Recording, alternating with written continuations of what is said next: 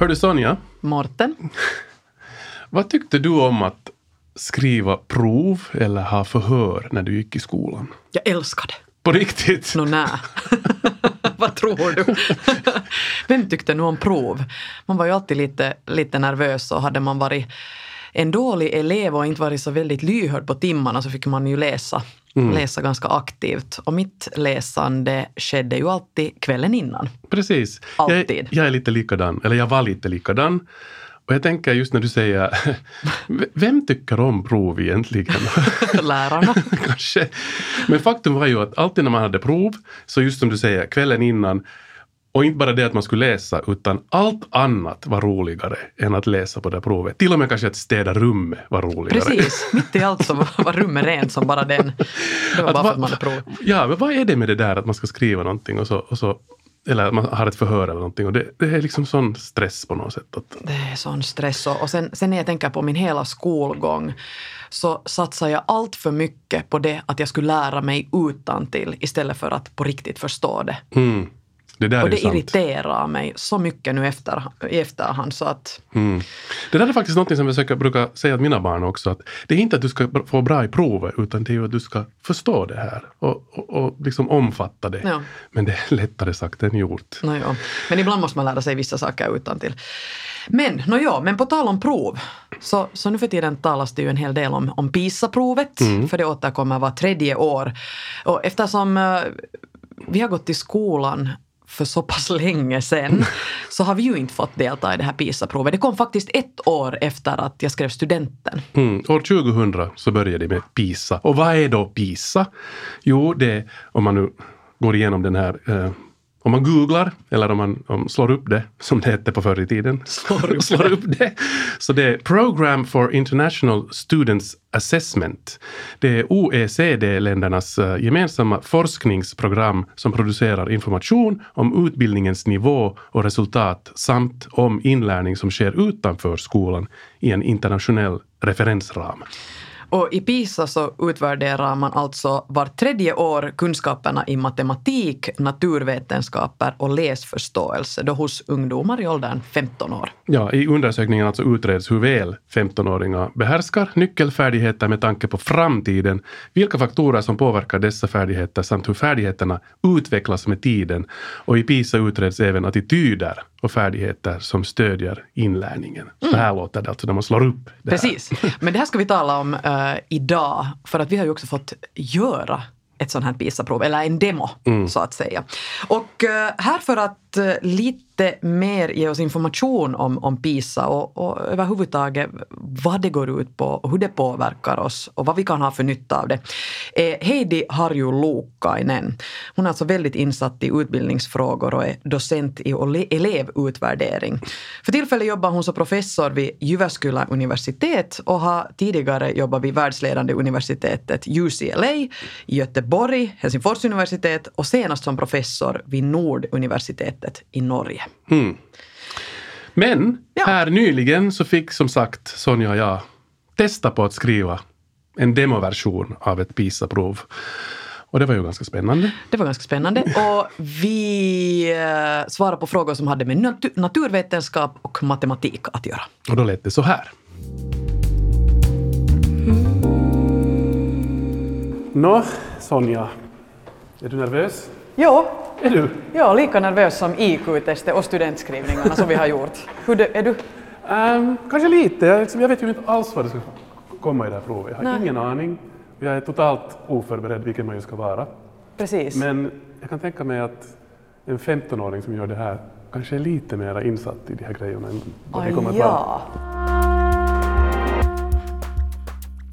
Här är alltså frågor som både kräver öppna svar, men här är också sådana alternativ. Alltså jag har ingen minne. Alltså jag har ingen aning om hur man räknar det här. Det är någon som hittar på någonting. Eh, förstår du det här med den här droppgrejen? Det finns ju allt där i texten. Okej. Finns där i texten. 15-åringar är ju ganska allmänbildade om de kan svara på de här frågorna. Aha. teitte tässä nyt sellaisia eh, PISA-tutkimuksista vapautettuja demotehtäviä, jotka ovat olleet käytössä vuoden 2015 tutkimuksessa. Ja Niinpä me voidaan sitten rinnastaa näitä teidän vastauksia siihen, mitä me ollaan saatu, saatu tästä kansallisesti tuloksia. Så här lät det alltså när Sonja och jag eh, tog det här PISA-provet. Vi hörde också forskningsledare Arto Ahonen. Det var han som alltså eh, var där när vi tog det här provet och, och så att säga övervaka oss när vi gjorde det här. Yes, och nu säger vi välkommen till vår gäst Heidi Harju Luukkainen. Hjärtligt välkommen. Tusen, tusen tack. Det är nära. Professor vid Jyväskylä universitetet och väldigt insatt i det här med, med PISA-frågor och elevutvärdering. Innan vi går in mera på det så, så ska vi ta våra resultat då från den här eh, Ja, från testningen. och vi kan ju höra vad, vad Heidi tycker om, om våra resultat. Eh, Sonja, vill du först berätta vad du fick? Nu jag kan berätta att i naturvetenskaper så hade jag åtta rätt av eh, 13, 13, ja. frågor och i matematik sju av 14. Så där var det liksom hälften rätt. Och ja, ja, ja, om man jämför med en elev från 2015 så, så var det var det Du var väl liksom medeltalet, snäppet över medeltalet? var ja, det typ- mycket snäppet över. Typ så här 60 procent eller något Ja. sånt. Så att helt, liksom, va, det är väl helt okej, eller vad Heidi? Nu, nu kan man väl säga så. Mm. Ja, det är ju vad man tar till referens. Var vill, man vara? Ja, precis. Var vill man vara? Ja. Man vill ju vara lite bättre men, men eh, det är ju inte ändå absolut inte fy, fy skam. Men, men man märker att det är länge sedan man gått i skolan. Det är 25 år sedan jag har senast gjort sådana här matematiska uppgifter. Jag har inte behövt dem i mitt arbete och inte haft eh, barn som jag har uppdaterat min kunskap med. Men, men ja, så man ska nu kanske inte desto mera säga än att vara helt nöjd. Nej, och sen, ja, och mina resultat så var ju eh, Strålande kan jag säga här, alltså helt fantastiska. Uh, no, i, I matematik hade jag visst 12 av 14, var det inte så? Ja. Och i, i naturvetenskap 11 av 13. Och då landade jag faktiskt på den 5 procent i, bland 15-åringar som är, klarar sig bäst. Och eh, här måste jag ju säga att när jag, inte när jag gick i skolan så tyckte jag så mycket om matematik, men nog naturvetenskap. Men efteråt så har jag börjat tycka om matematik. Det här säger jag nu åt dig Heidi, så att du vet var. Och sen har jag ju också egna barn, så att jag har uppdaterat mina äh, matematiska kunskaper i och med att jag har varit med och hjälpt dem med läxorna. Så att jag hade den fördelen med, med Sonja, att jag hade de här, lite uppdatera mig själv. Men ändå var jag lite förvånad att jag kom så här högt. Att mina, för att han var till och med den här Arto var lite så att oho, att du fick så här bra resultat. Att Jag är inte någon geni, jag är inte faktiskt. Jag är helt medelmåtta. Men du, men, men du tycker om matematik och du har nog eh, en, en förmåga att tänka säkert matematiskt, skulle jag påstå. No, tack, tack Sonja. Ja. Men, men alltså, jag insåg när vi gjorde det här testet att okej, här borde man kunna det här Pythagoras sats. Och sen var jag så här, vad va Pythagoras sats? Patta, patta, sats. Alltså att, att man kan glömma något sånt uh, känns ju helt absurt. Att det är ju ändå de här centrala delarna i matematik. Men ändå, om man inte använder det så blir det. Så är det. Och sen då man tänker nu att, att det där, alltså det var strålande resultat och speciellt med tanke på att det var ju ett test för 15-åriga barn. och, jag är snart fem, och jag är snart 50. Så. Ja, jag menar liksom att det är nu något som man ska rista i sten det här. Men att, men att eh, ja, som sagt, man glömmer ju väldigt, väldigt snabbt. Eh, Jag, jag, tror, jag tror knappast jag själv skulle klara av heller det här resultatet. Så, Eller liksom att, att få ett bra resultat i den här. Så att jag tror definitivt det att, att du har jobbat med dina barn så har Nej, det är liksom, klart. man på, liksom påminns om, om saker och så vidare. För jag måste ju erkänna att när jag har hjälpt dem med läxorna så har jag eh, första gången Pythagoras sats kom framför mig efter eh, 30 år Ja. så måste jag ju googla. Och det här för några år sedan när mitt första barn eh, skulle Precis. räkna ut det här. Så efter det har jag varit med om det här hela tiden så att på det sättet. Men Heidi, vi ska snart få höra eh, vad undervisningsminister Li Andersson tycker om PISA-provet. Men vad, vad anser du själv om det här? No, det här är en väldigt liksom intressant och ganska komplex fråga också i och med det att jag är forskare och forskar inom området och jobbar liksom med, med, med det där många andra forskare världen runt kring de här frågorna. Men, men det som ofta glöms är det att PISA var ju den undersökningen som, eh, som internationell större undersökning som kom först. Och, och därför har den fått väldigt mycket medietid och publicitet så att säga. Eh, och jag tycker i vissa fall också lite för mycket. För att det finns ju Eh, många andra. Vi har, vi har TIMS, vi har PIRLS, vi har Piak och så vidare. och så vidare. Det finns massvis med andra väldigt intressanta undersökningar eh, som IEA och OECD producerar. Och in, det där, vi kan inte heller glömma våra nationella eh, undersökningar som görs också. Som kanske i vår liksom, finländsk perspektiv skulle också kunna få lite mera medietid. Mm. Jag har aldrig hört om de här andra testerna. Nej, inte jag heller. Ja, okej. Okay. bra, bra att veta. ja, alltså PISA får ju massa medieuppmärksamhet. Ja, definitivt. Är det bara för att vi alltid klarar oss så bra där, alltså Finland? Nej, alltså Finland klarar sig bra också i andra undersökningar. Men vad, är det, vad är det som gör att PISA är så speciellt? Alltså jag, jag, jag, svårt att säga, men jag tror personligen det att, att eh, den var först på marknaden så att säga. Mm. Okay. Så den har varit så länge, ända sedan år 2000. Mm. Så att, att det måste ligga liksom någon, någonting i det. Du har varit länge där och, och, och det där folk vet och så vidare. Och så mm. lyfter man fram den då. Som sagt, här nyligen så fick vi också träffa Li Andersson som var med i Efter nio TV. Och hon äh, kommenterade också det här med PISA-provet så här. Det är ju alltid jätte, jättemycket fokus på de här landsrankinglistorna när de här resultaten kommer. Det vill säga att hur klarar vi oss i förhållande till något annat land? Mm. Men det viktigaste som PISA berättar, alltså nu, speciellt när man har gjort det nu under en längre tid, är ju att hur, hur klarar vi oss i förhållande till oss själva? Det vill säga att hur ser den här liksom, utvecklingen i Finland ut? Att det är den vi ska vara intresserade av och kanske också oroliga för när vi tittar på hur det då de facto ser ut i Finland. Att, att vi är fortfarande, liksom, tittar man globalt sett så är vi fortfarande i världstoppen, äh, men det finns en växande trend mot ökade klyftor just i fråga om, om inlärning också. Det är den vi borde vara mm. fokuserade på i Finland nationellt. Professor Heidi Harju Luukkainen, hur kommenterar du LIS kommentar här? No, jag håller nog väldigt mycket med Livs det där kommentar att, att det, där, det är självklart att vi borde vara oroliga för den trenden eh, som vi har i Finland. Att till exempel våra, eh, vår kompetens i läsning när det gäller de här 15-åringarnas resultat så dalar ner. Men samtidigt så måste vi också fundera på det att eh, nu från år 2000 till den senaste PISA-undersökningen eh, så ser vi en skillnad på Eh, 26 poäng och ungefär 40 poäng motsvarar ett år, eh, ett års skolgång. Så att, att ehm, det är liksom nedåtgående trend, men hur oroväckande är den så är, tycker jag, en annan sak. Men naturligtvis, eh, det som Li också säger här, att ehm, de här liksom segregation, samhällssegregationen och så vidare, så det, det ska vi definitivt vara, vara det där oroliga över. PISA-proven fokuserar ju på matematik, naturvetenskap och läsförståelse och, och, och var tredje år så är det en, ett ämne som är då regerande så att säga i provet. Va, va, vad säger det här om, om undersökningsområdet? Skulle det kunna vara ännu bredare? Jo, där finns ju också sen um, det där andra områden också som undersöks, men kanske de inte får så mycket medietid. Att, att det, där, um, det har ju varit till exempel om uh, problemlösningsförmågan så har det varit vissa år frågor eller sen uh, sån här ekonomisk kompetens och så vidare. Och sen det som kanske som en forskare så säga som mera intressant än de här rankningarna är kanske just det här, den informationen som vi får om eleverna och deras bakgrund. Eh, att I PISA-undersökningen så har vi ju den här, eh, de här eh, blanketterna som eleverna fyller i om sin egen bakgrund, sin motivation och andra frågor kring läsning, läsvanor och så vidare. Och så har vi också en pappersbunt som, som skolorna fyller i. Och om, om skolornas förhållande och så vidare. Och där tycker jag det kommer in, det kommer liksom väldigt intressant information också.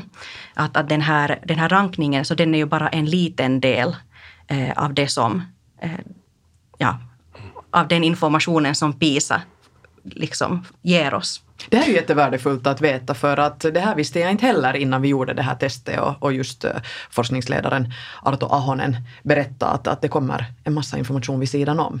Ja. Det som jag tänker också är det här med när man talar om den här internationella jämförelsen, att det är ju jättetrevligt att ta upp det att Finland är högt uppe och, och vad heter det, vi, vi klarar oss så här bra. Men som just Li också sa och som du poängterar Heidi, att, att det är ju den här nationella jämförelsen man borde, man borde titta på sig själv. Men samtidigt när vi har klarat oss bra så har folk från andra länder vallfärdat hit för att titta att vad, vad är det vi gör i skolorna. Men mm. om vi nu igen går neråt och inte klarar oss så bra, så, så vad, berätt, liksom, vad, är, vad är poängen med att, att vi gör de här testerna och att folk sen kommer hit och tittar? Att, tar de faktiskt tillvara den informationen och går tillbaka till sitt land och gör, nu ska vi göra som Finland? Eller liksom, vad, vad är mm. grejen? Mm. Det här alltså, det är en ganska komplex fråga igen som du ställer mig. Men, men det som jag själv funderar, jag skulle vilja svänga om det och säga så här att, att med tanke på de knapra, eh, knapra resurser som skolorna har så klarar ju våra lärare att producera enormt, god, eh, liksom, enormt goda elevresultat. Eh, att eh, man har ju liksom skurit ner från, från skolas, skolornas ekonomi år efter år efter år efter år. Och samma när det gäller också vår lärarutbildning i Finland. Så, så det där väldigt knapra, med väldigt liksom knapra resurser så når man toppenresultat så att säga. Så att, att man kan ju också titta på det sättet. En annan sak som jag själv personligen är lite orolig över när du säger att folk liksom vallfärdar hit, så det är en annan sak. Men vallfärdar vi också till andra, andra länder. Det är väldigt viktigt för eh, utvecklandet av, av ens eget tänkande, att förstå liksom vårt eget system och vi, vartåt vi är på väg är det att man också förstår andras system och ser andras innovationer och så vidare. Eh, och när jag själv har tagit del av sådana här Ehm, till exempel nu några sådana konferenser och några innovationskonferenser och så här vidare, så inte ser man ju där eh, finska beslutsfattare eller, eller folk från ministeriet. Det finns inte resurser för att göra sånt. Och jag tycker här brister det väldigt mycket i Finland. Att eh, kanske ta en lite, lite bredare perspektiv på det hela och fundera just det här. Att vad betyder det att utveckla till exempel ett system? No, det betyder det att man måste förstå sitt eget system men också förstå andras. Det här låter ju som en information som säkert skulle vara bra att gå vidare till beslutsfattare kring, kring det här. Jo, inte kommer det säkert som en överraskning. Nej, nej. Men kan man på det stora hela säga att man ändå ska ta PISA-resultaten i alla de här länderna och i Finland med en nypa salt ändå? Jo, absolut och alla, för att när man tänker på att när vi undersöker någonting, precis i PISA-undersökningar som i alla andra undersökningar, så vi mäter ju det vad vi frågar. Eh, och, och det där, om vi till exempel tänker på att vi tittar närmare sen i PISA-undersökningarna på eleverna som har invandrarbakgrund. Då, då tittar vi och oj nej, vi märkte att eleverna som har invandrarbakgrund så ligger långt eh, efter de elever som inte har invandrarbakgrund. Och när vi börjar titta närmare så, så har man inte frågat i PISA, för att PISA är inte gjort för att söka, titta närmare på elever som har invandrarbakgrund, så finns där inte frågor om elevernas språkliga bakgrund och så vidare. Och så vidare. Och, och, det där, och då när man gör de här tolkningarna så ser man att kopplingen finns då, att eleverna som har invandrarbakgrund klarar sig sämre, men samtidigt så är det svårt att göra den här tolkningen att varför. Mm. Eh, så att alla undersökningar som görs så har sina egna svaga punkter och, och de mäter bara det som eh, ja, som, vi frågar. som vi frågar helt mm. enkelt. Mm. Tidigare så jämförde man ju också finlandssvenska elever med finska elever. Men är det så att, att man inte längre egentligen gör det? Eh, man skulle ju kunna göra det. Det är helt fullt möjligt, men, men det har man nu inte gjort på, på några år.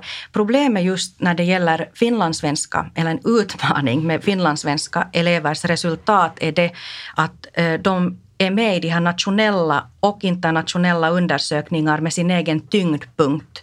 Och det betyder sen att om du har då 100 procent, om du har 5 000 elever, så bara 5 procent av dem är då finlandssvenska elever. Och vi pratar om en så liten mängd att vi kan inte dra några slutsatser av den här lilla elevmängden. Och det här tycker jag är ett väldigt stort problem.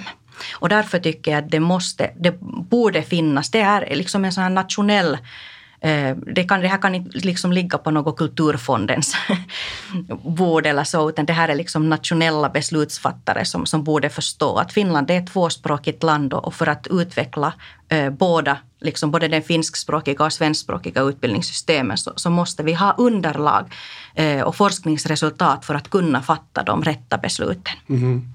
No, om vi bortser från PISA och talar sådär i största allmänhet om utbildning så um, vi talar faktiskt också med, med minister Li Andersson om hur utbildningen har uh, utvecklats sedan hennes tid i skolan uh, och hon svarar så här. Mm. Dels så har man liksom ändrat en del i våra läroplaner just vad gäller liksom mera så här äh, allmänna kompetensområden som inte direkt går liksom att lära ut inom ramarna för ett enda ämne. Att man har fysik eller kemi eller geografi, utan att man har mera liksom så här äh, ämnen som, där man kan kombinera innehåll från flera olika läroämnen. Och så satsar man ju mycket mer också, tycker jag nog nu, på välmående och på liksom den här verksamhetskulturen i skolan, äh, arbete mot mobbning och så vidare, än man kanske gjorde tidigare. Har det blivit också mer det här att elever ska få tänka mer själv? No, tittar Eller? man också till, till de ändringar man har gjort i läroplanerna så, så ja. Att det handlar inte bara om den kunskap man har utan om äh, de, den förmåga och de redskap som man får för att lära sig. Det vill säga liksom hur man hittar information, hur processar man information, kritiskt tänkande, att, att på något sätt jobba äh, självständigt utgående från olika frågor. Så sa undervisningsminister Li Andersson när vi träffade henne. Det här äh, inslaget kommer ni ju alltså att kunna se på TV på måndagen när följande efter nio sänds. Men vi fortsätter lite här med äh, Heidi Harju för att äh, ja, diskutera utbildning och kanske elevutvärdering. Jag tänker på det vad, vad Li just sa, så vad tycker du Heidi man ännu skulle kunna fokusera på i, när det kommer till, till utbildning och, och läroplanen?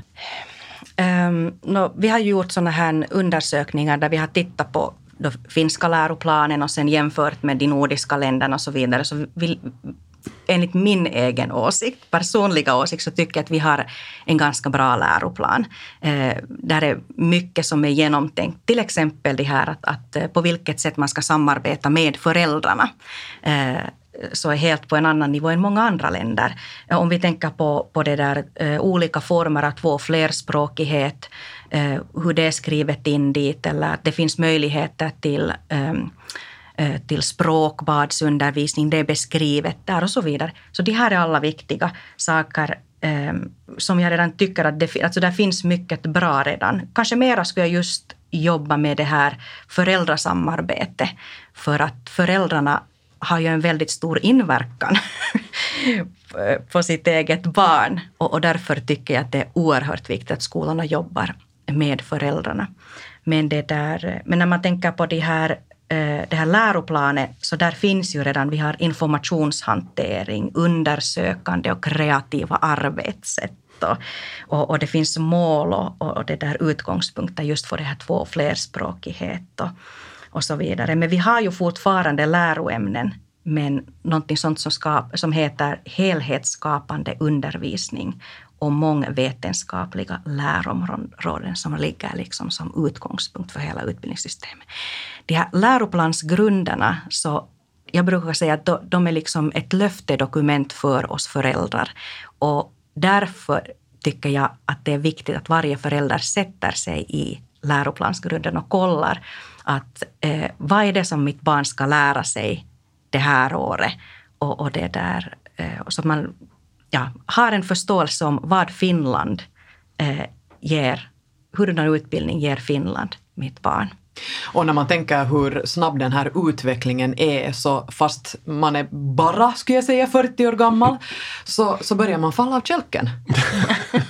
alltså kring en massa saker. Om, om det lärs kodande redan åt, åt, åt småbarn så borde man nästan ordna obligatoriska kurser för vuxna också. Men det här är ju en möjlighet att, mm. att följa med utvecklingen, att som förälder då mm. följa sina barn. Ja.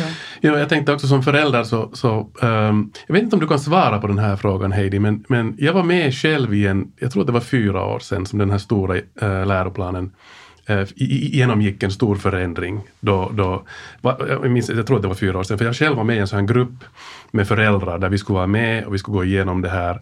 Och, och vad heter det, jag tyckte det var jätteintressant för att då kom förutom då datoranvändningen kom in mycket mera i bilden. Men då kom också det här att man skulle kombinera olika ämnen. Du, skulle, du kunde ta matematik och något annat ämne och kombinera dem. Vet du. No, inte det att du ska ha matematik på tyska, men, att, men, men, ungefär så här. Att det, och det var en massa andra grejer och jag minns att många i den skola där mina barn gick, så många lärare och till och med rektorn var lite så här att hur ska vi klara av det här, att göra alla de här förändringarna? Men det, det har gått hur bra som helst.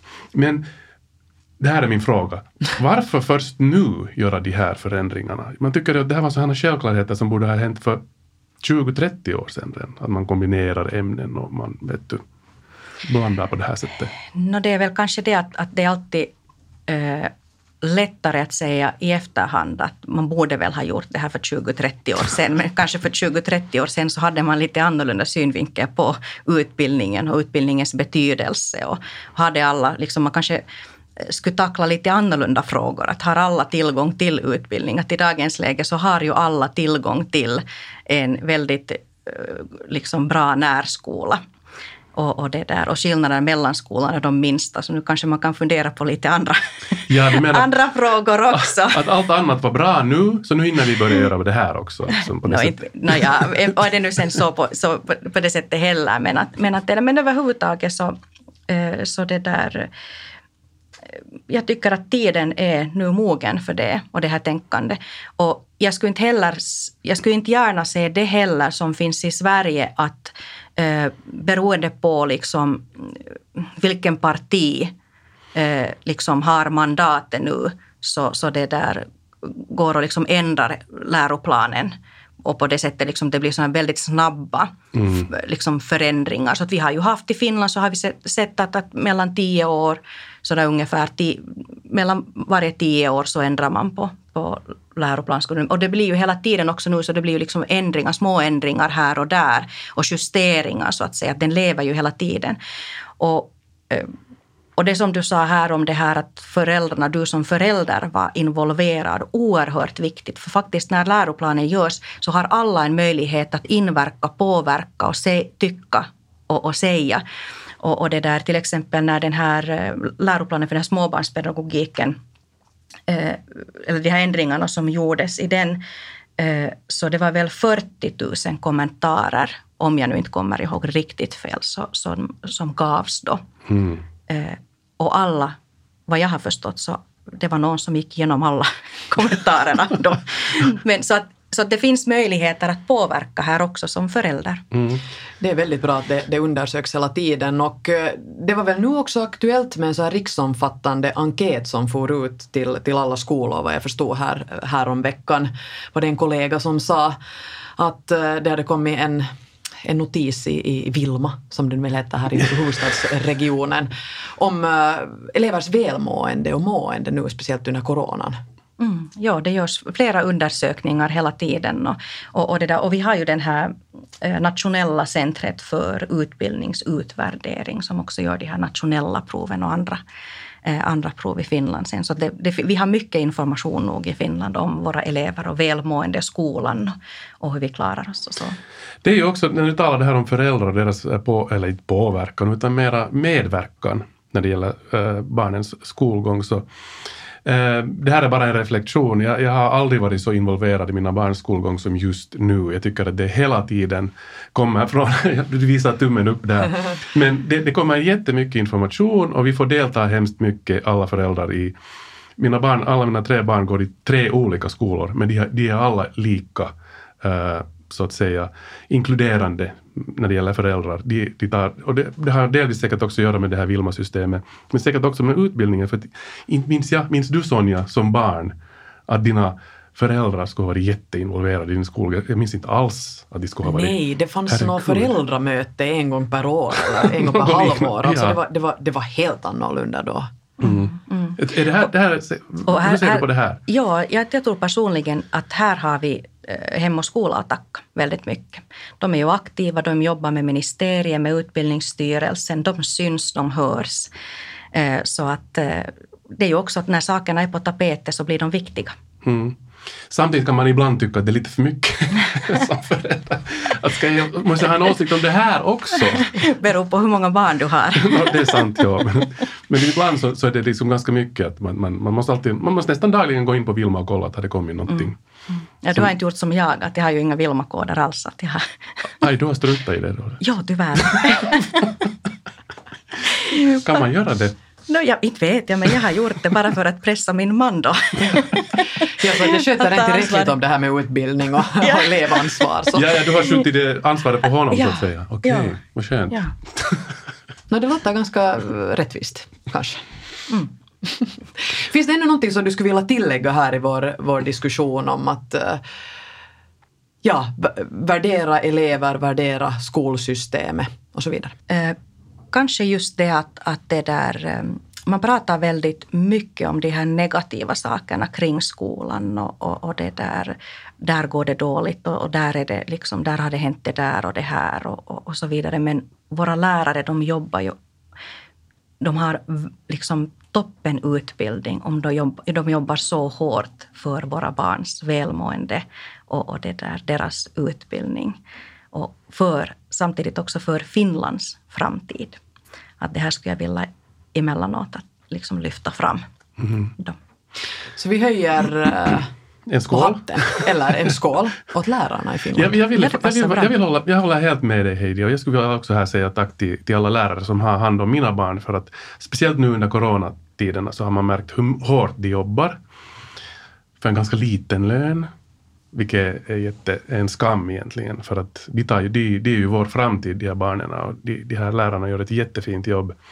Så jag tycker att det är lite synd att, inte, att man inte kunde uppskatta dem på något mm, sätt. Mm. Och sen om man tänker också att, att det där, om vi nu ännu går tillbaka till de här liksom elevutvärderingarna och så det PISA-undersökningar, så det är ju liksom ett fönster till framtiden. Vi, vi har flera undersökningar som berättar om eh, att ju bättre eleverna klarar sig PISA-resultat, desto bättre klarar de sig senare i livet, desto bättre är det för Finland. Mm. Det vill säga det grundjobbet som lärarna gör idag, det är för Finlands framtid. Och nästa PISA-test kommer väl att uh, gå av stapeln 2022 antagligen på grund av corona, så förstår jag. När vi talar med Arto Ahonen att det, det har lite flyttats, flyttats ja. framåt. Så då ser vi igen vad är läget. Mm. Men tack så hjärtligt Heidi Harju Luukkainen för den här eh, pratstunden. Ja. Tusen tack. Ni har alltså lyssnat på Efter nio här med Morten Svartström och mig Sonja Kailasari. Vi är tillbaka med en vecka med nya gäster och nya utmaningar. Vi hörs.